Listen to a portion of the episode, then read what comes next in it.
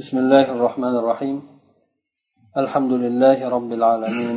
الصلاة والسلام على أشرف الأنبياء والمرسلين نبينا محمد وعلى آله وصحبه أجمعين. أما بعد قرآن تفسير دان بوليوت كان درس مزنا إكينجا قسم دا بقرة سورة سنة تفسير دان باش ليمز وكان درس مزدا فاتحة سورة حقدا حمدا فاتحة سورة حق دا حمد فاتح سورة سنة oyatlarini tafsiri to'g'risida gaplashib o'tgan edik bugun esa inshaalloh baqara surasini tafsiriga kirishamiz. Baqara surasi madinada nozil bo'lgan suralardan birisi bo'lib qur'ondagi eng uzun sura hisoblanadi. Oyatlari ham ikki yuz sakson olti oyatdan iboratdir. Madinada nozil bo'lgan suralarni mavzusi asosan islomiy jamiyatga lozim bo'ladigan shariat hukmlari hamda o'sha jamiyat muhtoj bo'ladigan ko'plab hukmlar masalalar mana shu narsalarni bahs qiladi. Baqara surasida ham hali bizda inshaalloh kelgusi keyingi darslarimizda o'tadi. Ko'plab shariatga aloqador bo'lgan hukmlar shu bilan birgalikda bir qancha qissalar o'tadiki jumladan bani isroil qabilasida bo'lgan muso alayhissalomni ummati bo'lmish bani isroilda bo'lgan bir voqea ya'ni bir qatl. Bir kishi boshqa bir odamni o'ldirib qo'yadida ana undan keyin o'sha qotilni topishlik masalasi bo'yicha muso alayhissalomga murojaat qilishadi. Muso alayhissalom esa ularga alloh tomonidan bildirilgan xabar bo'yicha bir molni so'yishlikni hamda o'shani soni bilan o'lgan odamni uradigan bo'lsa u tirilib kim o'ldirganligini aytishligini xabarini beradi. Mana shu qissa ham kelib o'tadi. Ana o'sha qissani munosabati bilan bu suraga baqara surasi deb berilgan nom berilgan. Baqara ya'ni o'sha o'sha qissada zikr qilingan mol ya'ni sigir ma'nosini ifoda qiladi. Baqara surasini fazilatlari to'g'risida biroz aytib o'tadigan bo'lsak payg'ambar sallallohu alayhi vasallamdan bir qancha hadislarda keladi. Avvalo hadislardan birisi oli imron surasi bilan baqara surasini ko'p o'qinglar qiyomat kunida. Bu go'yoki insonni ustida turadigan bulut kabi keladi hamda o'sha suralarni o'qigan insonni shafoat qilishligi to'g'risida aytib o'tiladi. Yana undan tashqari baqara surasini uyda o'qib turishlik uch kunda bir xatmi qilib turishlik shu surani chunki bu suraga batala deb ya'ni sehrgarlar boshqalar qodir bo'lolmaydi. Yana undan tashqari qaysi bir uyda shu baqara surasi o'qiladigan bo'lsa shayton yaqinlasholmaydi uch kungacha deb keladi. Undan tashqari yana payg'ambar sallallohu alayhi vasallam bu suraga alohida e'tibor berganligi hattoki baqara surasini yodlagan u o'sha payg'ambar alayhisalom davrlarida baqara surasini yodlagan kimsalarni darajalari haqida payg'ambar alayhisalom alohida e'tibor bilan aytgan so'zlari ham bor. Mana bu suraga kirishadigan bo'lsak alloh taolo bu surani ma'nodan uzilgan harflar bilan boshlaydi. Bunga o'xshash suralarni boshlarida harflarni kelishligi bir qancha suralarda bo'lib turib bu narsalar to'g'risida olimlarni bu harflarni kelishligi to'g'risida olimlarni ixtilofi bor. Lekin ularni orasida ma'noga yaqin bo'lgani haqida bu muallif ham aytib o'tadiki alif lam mim al huruful muqatta'a lil isharati ila ijazil qur'an. Ma'nodan uzilgan harflar ya'ni yakka yakka suratda keladigan harflar bular qur'onni mo'jiza ekanligiga ishora qilishlik uchundir deydi. Bu qur'oni karim haqiqatdan mo'jiza bo'lgan kitob. Bu mana shu alifbo harflaridan tartiblangandir tuzilgandir. Alloh taolo ham mana shu sura bilan mana shu qur'oni karim bilan butun insoniyatni ojiz qoldirgan. Ojiz qoldirgan deganni ma'nosi tahadda deganni ma'nosi ya'ni qo'linglardan keladigan bo'lsa shunga o'xshagan suralarni shunga o'xshagan oyatlarni keltiringlar deb turib alloh taolo o'sha mushriklarni butun arablarni hammasini ojiz qoldirgandir mana bu surani demak alloh taolo alif lam mim deb boshlagandan keyin aytib o'tadiki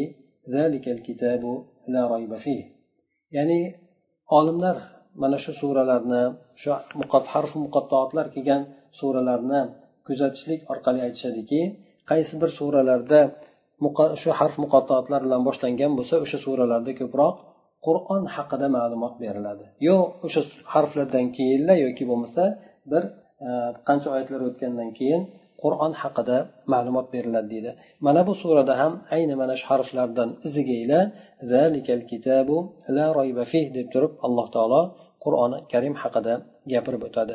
Mana bu kitob ya'ni qur'oni kitob qur'oni karim u hech qanaqangi bir shubha yo'q bo'lgan kitobdir deydi.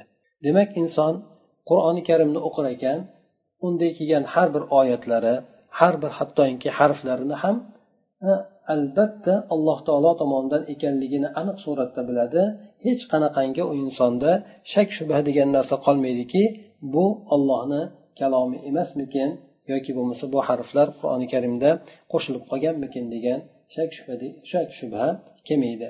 Aksincha boshqa kitoblarni ko'riladigan bo'lsa tavrot injil bo'lsin zabur bo'lsin bularni ko'riladigan bo'lsa albatta bularni o'qiyotgan inson garchi mo'min odam o'qiydigan bo'lsa ham bunda shubhada bo'ladi. Bu alloh taolo tomonidan nozil qilingan oyat bo'yicha qolganmi yoki unga o'zgarish qo'llari kelib o'zgarib ketganmi? Ana o'shandan shubhada bo'ladi. Lekin qur'oni karim borasida bo'ladigan bo'lsa hech qanaqangi shubha yo'q deb turib alloh taolo bayon qilyapti. Sababi alloh taolo bu qur'oni karimni o'z hifzi himoyasiga olgan to'liq suratda saqlab qolgandir hadal qur'an la shakka fi annahu tanzilul hakimil alim. Bu qur'oni karim albatta hikmatli bo'lgan bilimdon bo'lgan zot tomonidan nozil qilingan ekanligida hech qanaqangi shubha yo'qdir. Hudallil muttaqin. Demak bu kitobni alloh taolo taqvodorlar uchun hidoyat deb berdi. Taqvodorlar uchun hayot yo'li deb berdi. Taqvodorlar deb keltirishligini albatta bundan hamma insonlar ham emas balki birinchi navbatda inson agar mo'min bo'ladigan bo'lsa hamda mo'minlik sifatlariga ega bo'lib ziyodaroq taqvo ma'nosiga ham ega bo'ladigan bo'lsa albatta qur'oni karimdan foydalanishligi ko'proq bo'lar ekan. Shunda mana aytib o'tadiki murshidun va hadin li ahli iman alladina yakhafuna azaballoh fayamtathiluna awamira va yajtanibuna nawahiya alloh taoloni azobidan qo'rqadigan ahli iymonlar uchun mo'min kimsalar uchun bu yo'llanmadir yo'l ko'rsatuvchidir. Ana shu sababli ular alloh taoloni buyruqlariga bo'ysunadilar allohning qaytariqlaridan tiyiladilar demak mana bu yerda mo'min bo'lgan muttaqin bo'lgan kimsalarni birinchi sifatini alloh taolo zikr qilib o'tyapti. Ya'ni g'oyibga iymon keltiradigan taqvodorlar uchun dedi. Albatta bizni dinimiz g'oyibga iymon keltirishlik ustiga qurilgandir. Chunki alloh taologa iymon keltirishlik ham farishtalarga iymon keltirishlik ham oxiratga iymon keltirishlik ham bularni hammasi g'oyibga aloqador bo'lgan ishlar masalalar bo'lganligi uchun mo'min odamni birinchi navbatda qiladigan narsasi o'sha g'oyibga iymon keltirishlikdan boshlashligi bo'ladi. أن يصدقون بما غاب عن أبصارهم من الجنة والنار والملائكة والجن والصراط والميزان ya'ni bular taqvodor bo'lgan kimsalar ko'zlaridan g'oyib bo'lgan ko'zlariga ko'rinmaydigan hozirgi paytda jannatga ham do'zaxga farishtalarga ham jinlarga ham qiyomatda jahannam ustiga qo'yiladigan sirot ko'prigiga hamda qiyomatda amallarni tortishlik uchun qo'yiladigan taroziga mana shu narsalarni hammasiga iymon keltirib tasdiqlaydilar. Bundan tashqari ular albatta mana bu o'rinda birinchi ularni iymon keltirishligini gapirib o'tgandan keyin ikkinchi o'rinda bular bu bilan cheklanmasdan balki bu narsani ortidan amal qilishlikka o'tadilar. Demak taqvodorlarni sifatlaridan yana birisi g'oyibga iymon keltirishlik bilan birgalikda ular amalda bardavom bo'ladigan kimsalardir. Va namozni barpo etadilar ya'ni namozni to'liq mukammal suratda ado etadilar. Buni xushu qilishlik bilan qalb hozirligi bilan jasadlarini to'liq suratda bo'ysunishligi bilan mukammal suratda ado etadilar dedi. Shuningdek bu mo'minlar boshqalarga ham manfaat yetkazishlikka harakat qilishadi. Bu ularni mana bu yerda kelgan uchinchi sifatlaridir. ular biz infoq qilib bergan narsalarimizdan ya'ni alloh taolo ularga infoq qilib bergan narsalardan infoq qiladilar rizqlantirib bergan narsalardan infoq qiladilar dedi ينفقون في وجوه البر والإحسان على الفقراء والمساكين bular mollarini zakotini ado etadilar farz bo'lgan zakotni ado etadilar shuningdek kambag'al miskinlarga ehson qilishlik yaxshilik qilishlik yo'llarida mol mulklarini infoq qiladilar sarf etadilar. Mana bu yuqoridagi bo'lgan taqvodorlarni bir jumla sifatlari bular demak birinchi navbatda e'tiqodlari mukammal suratda bo'ladi ikkinchisi o'zlari amal qilishlikka o'tishadi uchinchisi esa boshqalarni ham manfaatlantirishlikka harakat qilishadi. Shuningdek yana alloh taolo bu taqvodor bo'lgan kimsalarni sifatlarini davom ettirib aytadiki sizga nozil qilingan qur'oni karimga buyuk bo'lgan qur'onga ular iymon keltiradilar dedi. Yuqoridagi bo'lgan iymon keltirishlik g'oyibga iymon keltirishi bo'ladigan bo'lsa ikkinchi iymon keltirishlik surati bularda olloh o'sha qo'llarida kelgan kitoblari payg'ambar alayhisalomni qo'lida olib kelgan kitoblari o'zlari ham alloh taolo tomonidan payg'ambar ekanligiga bular iymon keltirib tasdiq etadilar. Shuningdek bu kitob bu din avvalgi dinlarni to'ldiruvchi bo'lib kelganligi uchun hammasi bir mishkatdan bir manbadan olinganligi uchun albatta mo'min bo'lgan kimsalar avvaldagi bo'lgan nozil qilingan kitoblarga ham avvaldagi bo'lgan payg'ambarlarga ham iymon keltiradilar. Mana shu sifatni ham bu yerda alloh taolo zikr qilib o'tyapti. Demak sizdan oldin nozil qilingan sahifalar bo'lsin samoviy kitoblar bo'lsin bular mana zabur edi tavrot injil bu kitoblar o'sha paytda ma'lum bo'lgan mashhur bo'lgan kitoblar edi ba'zi qavmlarni qo'llarida iste'molda edi garchi o'zgartirishlik kiritib ketilgan taqdirda ham. Shuning uchun mana shu narsalar to'g'risida qur'onni boshqa o'rinlarida ham zikr qilinadi. O'zi aslida alloh taolo tomonidan juda ko'plab kitoblar nozil qilingan lekin u kitoblar yo'q bo'lib ketganligi uchun o'sha payg'ambar alayhisalom kelgan paytlarida odamlarni iste'molda bo'lmaganligi uchun bu narsalar haqida bizlarga tafsil bilan bayon qilib o'tmagan. Balki payg'ambarlarga kitoblar nozil qilganligi to'g'risida alloh taolo boshqa bir oyatlarda zikr qilib o'tadi. Shuningdek mo'min bo'lgan taqvodor bo'lgan kimsalarni yana bir sifatlaridan bular oxirat kuniga aniq suratda ishonadilar dedi. Demak mo'min bo'lgan odamlarni iymon keltirishligi e'tiqod qilishligi to'g'risida hamda ularni amal qilishligi boshqalarni ham manfaatlantirishligi to'g'risida mana bu qisqa bo'lgan oyatlarda alloh taolo hamma asl asos bo'lgan masalalarni zikr qilib o'tdi. Bular hisobni ham qiyomat kunida bo'ladigan hisob kitob bo'lsin. Jazo jazo degan so'z arab tilida ikki iste'mol bilan ishlatiladi. Mukofotni ham jazo deyiladi jazolashlikni ham jazo deyiladi. Ya'ni inson amaliga oladigan narsani jazo deb aytiladi. Ho mukofot bo'lsin ho u jazo bo'lsin. Mana shu narsalarni qat'iy bo'lgan suratda tasdiq etadi deb keltiryapti. Bular bu narsaga iymon keltirganda hech qanaqangi shak shubha o'rin qolmaydi shak shubhaga o'rin qolmaydi. Ana ho'p mana shunday bo'lgan sifatlarga ega bo'lgan kimsalar. Bularni oqibati nima bo'ladi? Bularga alloh taolo buncha qiladigan amallariga qanday mukofot beradi? Ana o'shalar haqida alloh taolo bayon qilib aytadiki ana o'sha kimsalar? Ular robbilar tomonidan hidoyatdadir. Robbilar tomonidan to'g'ri ko'rsatilgan yo'ldadir. Mana shunday sifatga ega bo'ladigan kimsalar. Demak bular izzat hamda ulug'lik robbisi tomonidan nurda hamda ongdadir deydi. Ya'ni bular ham ongi juda yuqori bo'lgan kimsalar hamda bularda yurayotgan yo'llari nur bilan to'laki bu yo'lda hech qanday adashmasdan ketadilar. Va shuningdek dunyoda mana shunday hidoyatda nurda bo'lib bo'lishlik bilan birgalikda bular oxiratda ham to'liq muvaffaqiyatga erishadigan kimsalardir. Ular al faizun bikulli mahbubin va matlub min naimil jannati va savabiha va ru'yati robbihim jalla va ala. في جنان الخلد وهو النعيم الأكبر لأهل الجنة bular insonlar uchun har bir suyumli bo'lgan narsa har bir talab qilinadigan narsa bu jannatni ne'matlari bo'lsin jannatdagi bular beriladigan savoblar bo'lsin bulardagi eng katta ne'mat bo'lmish alloh azza va jallani jannatlarda o'zini ko'rishlik bo'lsin mana shu narsalarni barchasiga bular erishadigan kimsalardir deydi mana shunday qilib alloh taolo mo'min taqvodor bo'lgan yaxshi solih bo'lgan mo'minlarni sifatlarida besh oyatni zikr qildi. Mana shu bilan aytib o'tganimizdek mo'min kishi bo'lishligi kerak bo'lgan iymon qildi iymon jihatidan amal jihatidan boshqalarga manfaat keltirishlik jihatidan asl asos bo'lgan narsalarni mana shu besh oyatda jo qilib keltirib o'tdi.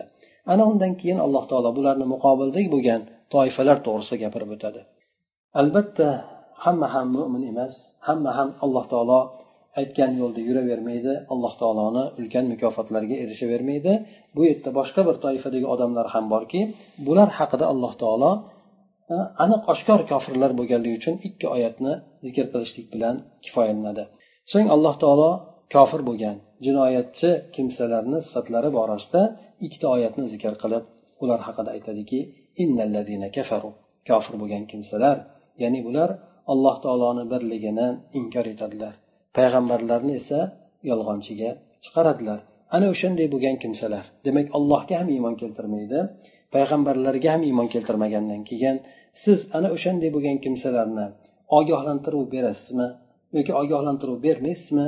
Baribir ular iymon keltirmaydilar. Sababini alloh taolo undan keyingi oyatda zikr qilib o'tadi. Sizlar ularni ogohlantirishligingiz sizni do'zax azobidan ularni qo'rqitishligingiz bo'lsin yoki ularni ogohlantirmasdan qo'rqitmasdan shunday tashlab qo'yishligingiz bo'lsin baribir ular har qancha harakat qilgan taqdiringizda ham ular baribir iymon keltirmaydilar.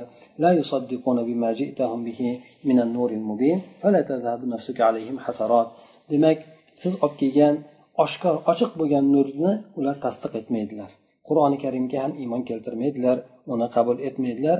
Ana shunday ekan siz nafsingiz ularga iymon keltirmaganligiga juda ham hasrat nadomatda kuyib yonmasin chunki payg'ambar sallallohu alayhi vasallamni odatlari bo'lgan edi avval shu ich ichidan xohlardiki o'sha mushrik bo'lganlar mushriklarni kattalari iymonga kirsa.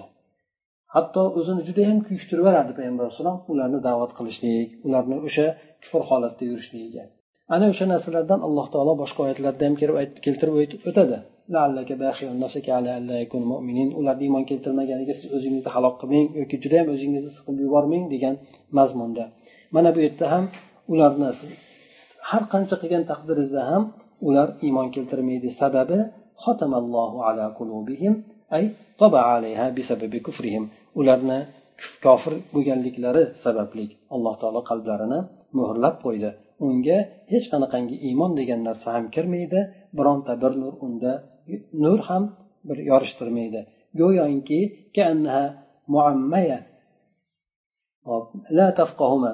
go'yoki ular e, qalblari ko'r. Hech aytayotgan eshitayotgan narsalarni birontasida aql yuritib ko'rmaydi tushuncha ham hosil qilishmaydi deydi.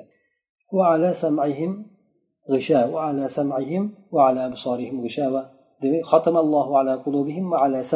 alloh taolo ularni qalblariga ham muhr bosgan shuningdek ularni quloqlariga ham muhr bosgandir. Go'yoki ular eshitmaydigan ko'rlar kabi ular haqni eshitmaydilar yoki bo'lmasa o'zlarini eshitmaganlikka oladilar. Shuningdek ularni ko'zlarida ham parda bor to'siqlar bor. Shuning uchun ular hidoyat iymon nurini ko'rmaydilar deydi. Ho'p mana shunday kimsalar.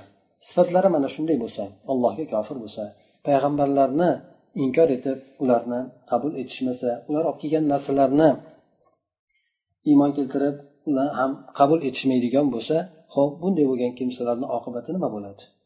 Yuqoridagi bo'lgan kimsalar bilan bir xilmi? Yo'q bu yerda alloh taolo ularni oqibati haqida qisqa oyatda aytib o'tyaptiki ular uchun judayam katta judayam ulkan azob bo'ladi dedi. Demak alloh taolo buyuklik bilan sifatlayaptimi? Demak oddiy bir inson buyuklik bilan sifatlashligidan judayam katta farq bor. Masalan ba'zan bir sifatlashlikda bir tomonni sifatlashligida boshqa bir tomonni sifatlashligidan farq qiladi. Bir oddiygina yosh bola aytsaki menda judayam ko'p pulim bor desa ehtimol tasavvur qilishimiz bor yuz so'm bordir ming so'm bordir shuni ko'p deb biladi. Lekin katta bir boy bo'lgan odam judayam katta boylikka ega bo'lgan odam men judayam katta boyligim bor desa uni judayam katta deb aytayotgan narsasi kichkina bolani judayam ko'p degan narsasidan demak keskin farq qiladi. Demak alloh taolo ularga nisbatan buyuk azob bor debdi. U buyuk azobligi haqiqatda alloh taolo sifatlaydigan darajada haddan tashqari og'ir hamda buyuk bo'lar ekan. Ular uchun oxiratda judayam qattiq azob bor. Bu azob ulardan hech ham uzilmaydigan davomiy suratda bo'ladigan azobdir.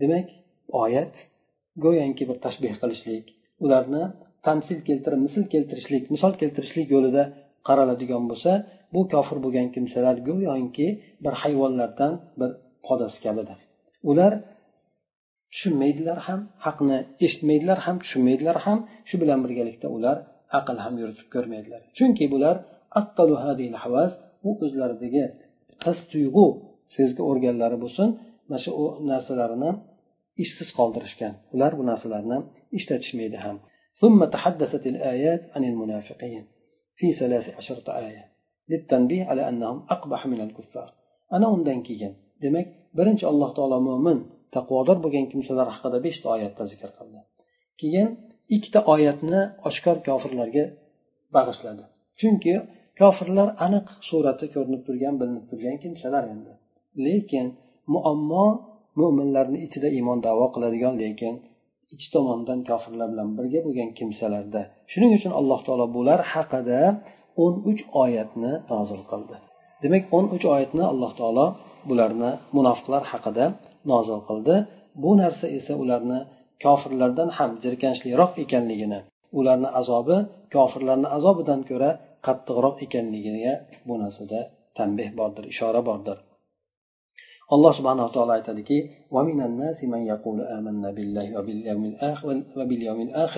odamlardan ba'zilar aytishadi allohga oxirat kuniga iymon keltirdik deb aytishadiyu lekin bu narsani ular e'tiqod qilmasdan quruq so'z bilan aytishadi. Bu aytayotgan narsalari faqat tilda aytiladigan so'z xolos qalb e'tiqod qilmagan holatida. Ya'ni bular tillari bilan aytadilarki alloh taolo alloh taoloni tasdiq etdik. Qayta tirilish kunini qiyomatda jamlanish kuni jamlanishlikni hammasini tasdiq etdik deb aytishadiyu lekin ular aytayotgan narsasiga iymon keltiruvchi bo'lmaydilar. Haqiqatini olib ko'radigan bo'lsak bular mo'minlar emasdir balki ular kazzob hamda jinoyatchi bo'lgan kimsalardir. Ular alloh taoloni mo'min bo'lgan bandalarini aldamoqchi bo'ladilar bu aytayotgan gaplari bilan. Ya'ni bular iymonni izhor qilishlik iymonni o'zlarida ko'rsatishlik mo'minlikni davo qilishlik lekin ichida kufrni yashirishlik bilan xuddi aldamchilik aldashlikka harakat qilayotgan odamni ishidaqa amal qiladilar ishidaqa ish qiladi harakat qiladilar. Bular bu bilan esa alloh taoloni ham allohning mo'min bandalarini ham aldamoqchi bo'layotganligini gumon etadilar. Ular ollohni ham mo'min bandalarni ham aldayapmiz deb o'ylaydilar. Ular aslida o'zlaridan boshqani aldolmaydilar. Lekin ularni muammosi bu qilayotgan ishlarini ular sezmaydilar his etmaydilar bilmaydilar. Ular haqiqatda o'zlaridan boshqani aldamaydilar u narsani esa ular his etmaydilar deydi. Chunki ular ahmoq nodon bo'lgan kimsalarki bular tuyg'uni ham hissiyotni ham barcha mana shunga o'xshagan aloqador mana shunga aloqador bo'lgan narsalarni hammasini yo'qotgan kimsalardir. Bularni qalblarida maraz bor kasallik bor. Marod bu yerdagi marazdan murod zalolat munofiqlik kasalligidir. Bular islom ishidan doimiy suratda shak shubhada bo'ladilar. Ana shuning uchun tashqarida iymonni davo qilgan bilan qalbida kufrni yashirib turadilar. Mana shunday bo'lgandan keyin alloh taolo bularni yana ham o'sha kasalligida ularni ziyoda qilib qo'yadi. Ya'ni ularni yana ham qabohatda yana ham shak shubhada alloh taolo ziyoda qilib qo'yadi. Va ho'p yuqoridagi bo'lgan darajadagi odamlar eh, oqibati nima bo'ladi? Shunday ollohni aldamoqchi bo'layotgan mo'minlarni aldamoqchi bo'layotgan kimsalarni bir tomonlama kofirlarga qo'shilib bir tomonlama mo'minlarga qo'shilib lekin aslida kofirlarni jamoasidan bo'lgan kimsalarni oqibati nima bo'ladi? desa alloh taolo aytadiki demak ularni mana shunday payg'ambarlarni olib kelgan narsalarni yolg'on deganligi uchun o'zlari ham shunday ollohni va mo'minlarni aldamoqchi bo'layotganlari sababli bularga alamlantiruvchi azob bordir. Bu alamlantiruvchi bo'lgan azob alloh taolo aytib o'tgandek juda ham og'rituvchi bo'lgan juda ham alamlantiruvchi bo'lgan azob bo'ladiki bu narsa ularni iymon davosidagi yolg'onchiliklari sababli hamda alloh taoloni oyatlarini masxara qilganliklari sabablidir bu yerdagi alloh taolo zikr qilib o'tgan deb aytishligi qalblarida maraz bor kasallik bor deyishligi bu dindagi bo'lgan kasallikdir jasadidagi bo'lgan kasallik emas.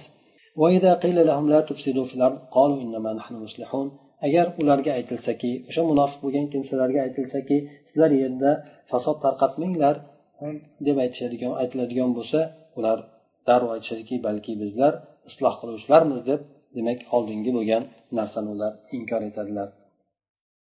Demak ularga nasihat bo'lgan nasihat qiladigan kimsalar aytishadiki yerda fasod tarqatmanglar fasod bilan harakat qilmanglar. Bu kofir bo'lganliklar sababli hamda alloh taoloni yo'lidan to'sishlik sababli yerda fasod tarqatmanglar deydi. Shunda uni aytgan paytida ular aytishadiki biz fasodchilar emasmiz balki biz isloh qiluvchi odamlarmiz va to'g'rilikni da'vatchilarimiz biz yaxshilikka zafar omadga muvaffaqiyatga harakat qilayotgan odamlarmiz deb aytadi. Demak bu ularni xuddi yuqorida aytgandek mo'minmiz deb alloh taoloni aldamoqchi bo'lgani kabi mo'minlarni aldamoqchi bo'lgani kabi bu yerdagi isloh qilyapmiz deb garchi ularni qilayotgan ishida fasod shunday ko'rinib tursa ham e, isloh qilyapmiz deb bular yana ollohni mo'minlarni aldamoqchi bo'ladilar. Alloh taolo bularga raddiya berdi. Aytdiki ogoh bo'ling. E'tibor qilinglar. Albatta ana o'shalargina fasod tarqatuvchilardir ana o'shalargina mufsidlardir buzg'unchilardir.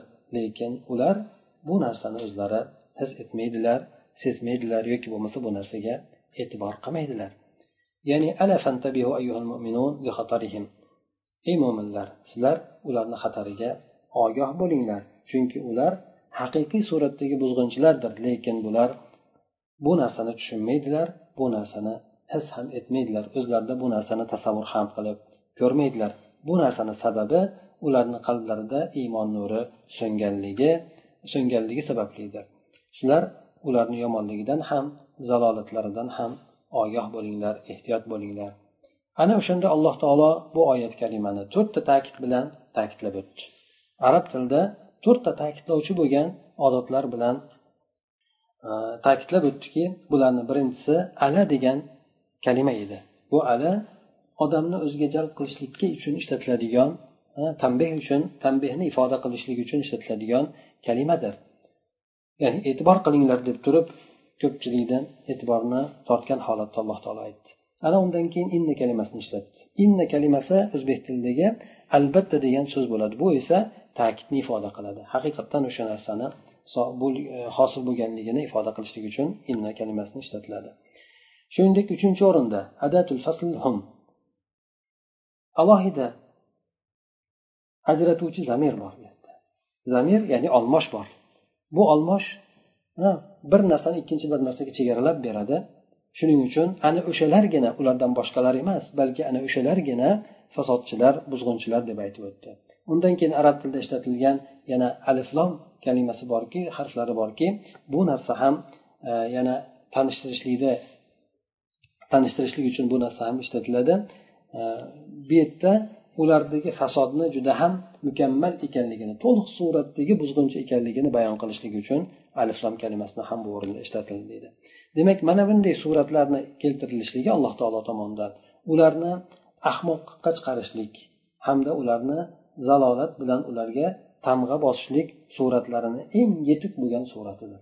Mana shunday alloh taolo tomonidan ulargina buzg'unchilardir deb shunaqa kalimalar bilan shunaqa ta'kidlovchi bo'lgan so'zlar bilan ishlatilishligi bu ularni haqiqatdan ahmoq ekanligini zalolatga botib ketgan ekanligini bayon qilishlikdagi eng yetuk bo'lgan suratdir deydi. Agar ularga aytilsaki odamlar iymon keltirgani kabi sizlar ham iymon keltiringlar. Deb aytiladigan bo'lsa ya'ni go'yoki ular muhammad sallallohu alayhi vasallamni sahobalari bir aniq ishonch ixlos bilan iymon keltirgani kabi sizlar ham iymon keltiringlar deb aytiladigan bo'lsa ya'ni ularga odamlarga o'xshatma qilib aytiladiki allohga iymon tasdiqlagan allohni oyatlarini tasdiqlab iymon keltirgan hamda mana bu iymonlari hech qanaqangi shak shubha ham aralashmasdan munofiqlik ham aralashmasdan chin iymon suratida iymon keltirgan kimsalar kabi iymon keltirsalaringiz bo'lmaydimi deb ularga aytiladigan bo'lsa ular aytishadiki biz mana bunaqangi ahmoq nodon odamlar kabi iymon keltirgani kabi biz iymon keltiramizmi? deb sahobalarni masxara qilishib ustlaridan kulishib aytishardi.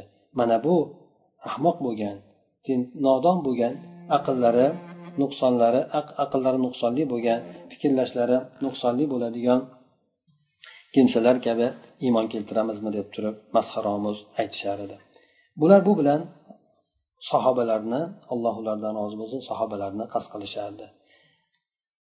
Ularni g'aflat bilan g'aflat degani nodonlik degani qo'surul aql aqlini to'liq ishlatmaslik aqlsizlik mana shu narsalar bilan ularni muttaham qilishardi ayblashar edi.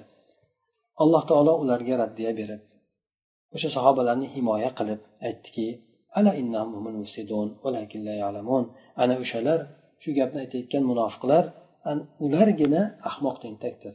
Ular sifatlayotgan odamlar emas balki bular o'zlarini ahmoqliklarini o'zlari ham tushunmaydilar bilmaydilar. Bular jinni bo'lgan ahmoq bo'lgan kimsalar ya'ni muhammad sallallohu alayhi vasallamni sahobalari emas ular o'ylayotgani kabi. Lekin bular o'zlaridagi ahmoqlik sababli nodonlik sababli bu narsani ham farqiga bormayaptilar. Bu narsani bilmayaptilar. Mana shunday uslubni aytilishligi bu nihoyatda ular ko'r ekanligini yetuk suratda bayon qilishlik hamda hidoyatdan judayam uzoq ekanligini bayon qilishlik uchundir. Alloh taolo mana bu yerda ham ta'kidlab e'tiborni qaratib ogohlantirdi. Bunisi fasohat suratlarni fasohat degani nihoyatda gapda Э, oshkor chiroyli usta gap ustasimon gapirishlik mana shu narsani fasohat deyiladi. Hamda bayon e, juda ravshan qilib bayon qilishlik suratlarni eng mukammal uslubi bilan alloh taolo bizlarni ogohlantirib ularni holatini bayon qilib o'tdi. Ulardagi ahmoqlik darajasi zalolat darajasi qay darajaga borganligini miqdorini bizga ham ko'rsatib berdi.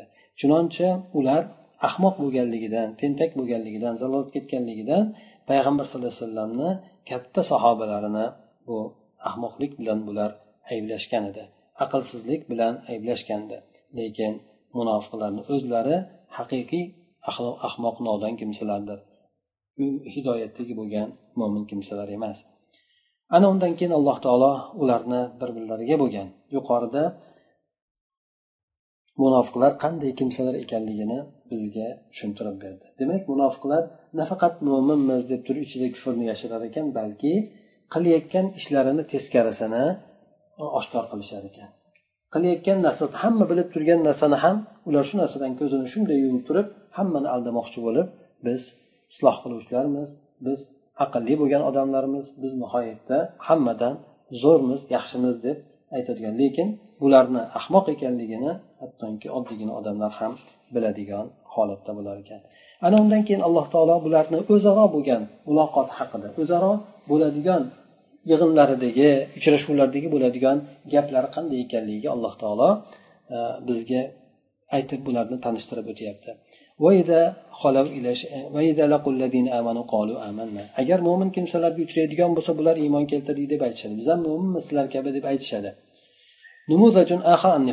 Bu narsa ularni munofiq ekanligi subutini yo'q ekanligidan boshqacha bir namunadir.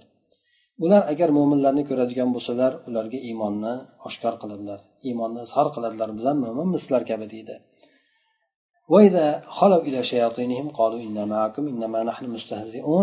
Agar ular shaytonlari bilan o'zlarini boshliqlari bilan xoli qoladigan bo'lsalar ular aytadilarki biz sizlar bilan birgamiz.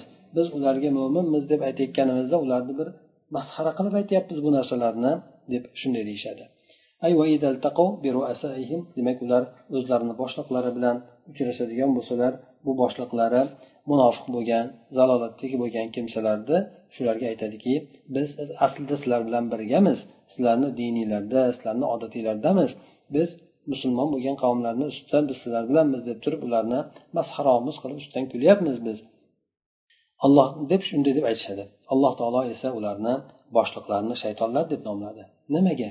Sababi ular haqiqatdan shaytonga o'xshaganliklari uchun hubs ya'ni yomonlik qilishlikda makr hiyla qilishlikda ular go'yoki shaytonlar kabidir. Bu shaytonlar bir biriga ilhom beradi bir birini qiziqtiradi ana shunday qilib demak o'zaro yig'inlarida o'zaro o'tirishlarida bular o'zlari kim ekanligini bir birlariga oshkor aytishadi. Bularni esa bu qilayotgan narsalarni hammasidan alloh taolo xabardor bo'lganligi uchun alloh taolo quyidagi oyatlarni aytadiki olloh ularda ustidan masxara qiladi. Hamda alloh taolo ularni yana ham o'sha gumrohligida bardavom bo'lib doimiy suratda bo'lishligiga alloh taolo ularni bo'lishligini cho'zib beradi. Ya'ni doimiy suratda ularni gumrohligiga tashlab qo'yadi. Ay alloh jalla vaala yujazihim ala alloh taolo ularni mo'minlarni masxara qilishligiga munosib suratda alloh taolo ularni jazolaydi. Ular alloh taoloni mo'min bo'lgan do'stlaridan qanday masxara qilib kulishadigan bo'lsa alloh taolo ham ularni ustlaridan shunday masxara qilib kuladi. Bu narsa esa ularga dunyoda muhlat berib qo'yishlik bilan so'ng oxiratda esa azobni tayin qilishlik bilan bo'ladi. Alloh taolo ularni baxtsizliklarida zalolatlarida yana ham ziyoda qilib qo'yadi. Yana ham o'sha baxtsizligiga zalolatiga botirib qo'yadiki bu narsada ular hayron bo'lgan holatda gandiraklab yuradilar. Ya'ni yo'lini topolmasdan gandiraklab yuradilar. Bular qilayotgan narsalarini ham o'zlari anglab yetmaydilar. Bulardagi bo'lgan ko'rlik bu qalbidagi bo'lgan ko'rlikdir. Insonni xuddi ko'zida bo'ladigan ko'rlik kabi bularni ko'rligi asosan qalbida bo'ladi. Bu yerdagi kalimani keltirib o'tyaptiki rojulun amihun deb aytiladi ya'ni bu inson agar qalbi ham ko'zi ham ongi ham ko'r bo'ladigan bo'lsa bu odamni amih deb aytilar ekan. Shuning uchun alloh taolo bularni ziyonkorligini baxtiqaroligini sababini zikr qilib o'tdiki nimaga bular baxtiqaro bo'lib qoldi? Nimaga bular ziyon ko'rdi? Sababi ular hidoyatni tashlab turib o'rniga zalolatni sotib olgan odamlardir. Hidoyatdan kechib zalolatni sotib olgan kimsalardir deb aytadi. Ya'ni bular iymonni tashlab kufrni almashtirib olgan kimsalardir. Demak bular iymon keltirdik deb aytishadi lekin iymonni tashlab turib uni ustidan kufrni afzal bilishadi. Mana shu bilan ular zalolatni qo'llariga olishdiyu buni bahosi qilib hidoyatlarini berib yuborishdi. Ular mana shunday qilgan tijoratlarida hech narsani foyda qilmadilar. Ular yana shu dunyoda ham hidoyatda ya'ni to'g'ri yo'lda bo'lolmadilar. Ular mana bu tijoratda foyda ko'rmadilar balki ziyon ko'rdilar chunki ular arzimagan bo'lgan narsani qimmatbaho bo'lgan narsaga almashtirib yubordilar almashtirib o'sha qimmatbaho bo'lgan narsani tashlab arzimas bo'lgan narsani sotib oldilar. Bu arzimas bo'lgan narsasi kufr edi qimmatbaho bo'lgan narsa nafis degani juda ham qimmati bahosi qimmat yuradigan e, narsani aytiladi. Mana bu narsa esa iymon edi. Ular shu sababli judayam judayam ziyonga kirib ketdilar. Go'yoki agar misl keltirib misol keltirib aytadigan bo'lsak tashbeh qilib aytadigan bo'lsak go'yoki bular qo'llarida sof oltinlari boru o'sha sof oltinlarini berib o'rniga xuddi hayvonlarni tezagini sotib almashtirgani tezagiga almashtirgani o'sha narsani sotib olganiga o'xshaydi. Bular tijoratida hech qanaqangi narsani zafar tijoratida foyda ham qilmadilar ular tijoratida muvaffaqiyatga erishmadilar ham. Alloh taolo keyin bularga ikkita namuna ikkita misol bo'lgan narsani keltirib o'tadi. Inshaalloh bu narsalarni kelgusi darsimizda aytib o'tamiz. Demak hali ham munofiqlar to'g'risida gap davom etadi. Demak asosan yer yuzidagi bo'lgan kimsalar uch toifadan iborat ekan. Birinchisi mo'min bo'lgan kimsalar. Bular mo'min bo'lgan kimsalar hamma toifasi bilan. Bu yerda taqvodor bo'lgan eng yuqori bo'lgan darajadagi odamlarni zikr qilib o'tdi. Ularni mukammal bo'lgan sifatlarini ham aytib o'tdi. Lekin ulardan ko'ra garchi daraja jihatdan pastroq bo'ladigan bo'lsa ham amallarni mukammal qilmaydigan bo'lsa ham o'sha mo'minlarni e, orasi e, toifasiga kiraveradi. Lekin boshqa bir toifa borki mo'minlarni muqobilidagi bu oshkor bo'lgan kofirlarki bularni ajratishlikda inson qiynalmaydi. Chunki ular og'izlari bilan biz kofirmiz biz iymon keltirmaymiz deb aytib tushadi. Biz musulmon emasmiz deb o'zlari e'tirof etishadi. Lekin bu yerda aldamchi bo'lgan lekin bular hattoki mana payg'ambar sallallohu alayhi vasallam davrlarida ham anchagina bo'lgan odamlar qur'on nozil bo'layotgan shunday mo'jizalar ko'rinib turgan davrda ham bular anchagina topilgan odamlar keyingi davrlarda juda ham ko'plab topilishligi bu aniq bo'lgan holatdir. Ana o'sha narsalardan go'yoki bizlarga ham ey mo'minlar ogoh bo'linglar. Bunday kimsalar so'zlariga uchmanglar chunki ular tashqarisida boshqacha ichkarisida boshqa bo'lgan kimsalar tashqarida mo'minligini davo qiladi lekin amaliga razm solib qaraydigan bo'lsanglar bular g'irt buzg'unchi g'irt kofir balki kofirdan ko'ra battarroq bo'lgan kimsalar deb alloh taolo bizlarga bu narsalarni ogoh etib nozil qildi oyatlarni. Ana undan keyin bularni alloh taolo bu o'xshatmasini berib o'tadiki ana o'xshatmasdan yana ham insonlarga bularni kim ekanligi yana ham oshkor bo'ladi. Yana ham mo'minlar bularni tanishliklari osonlashadi. Demak mo'min jamiyatini ichida mana shunday mo'minlikni davo qiladigan lekin ichida kofirlikni xohlab kufr bilan birga bo'ladigan kimsalar ham anchagina bo'lar ekan. Mana bularni sifatlarini bir qator aytib o'tildi. Ba'zi o'xshatmalarni inshaalloh kelgusi darsimizda e, oyatlar orqali bayon qilib o'tamiz. سبحانك اللهم وبحمدك نشهد أن لا إله إلا أنت نستغفرك ونتوب إليك. اللهم انفعنا بما علمتنا وعلمنا ما ينفعنا وزدنا علما.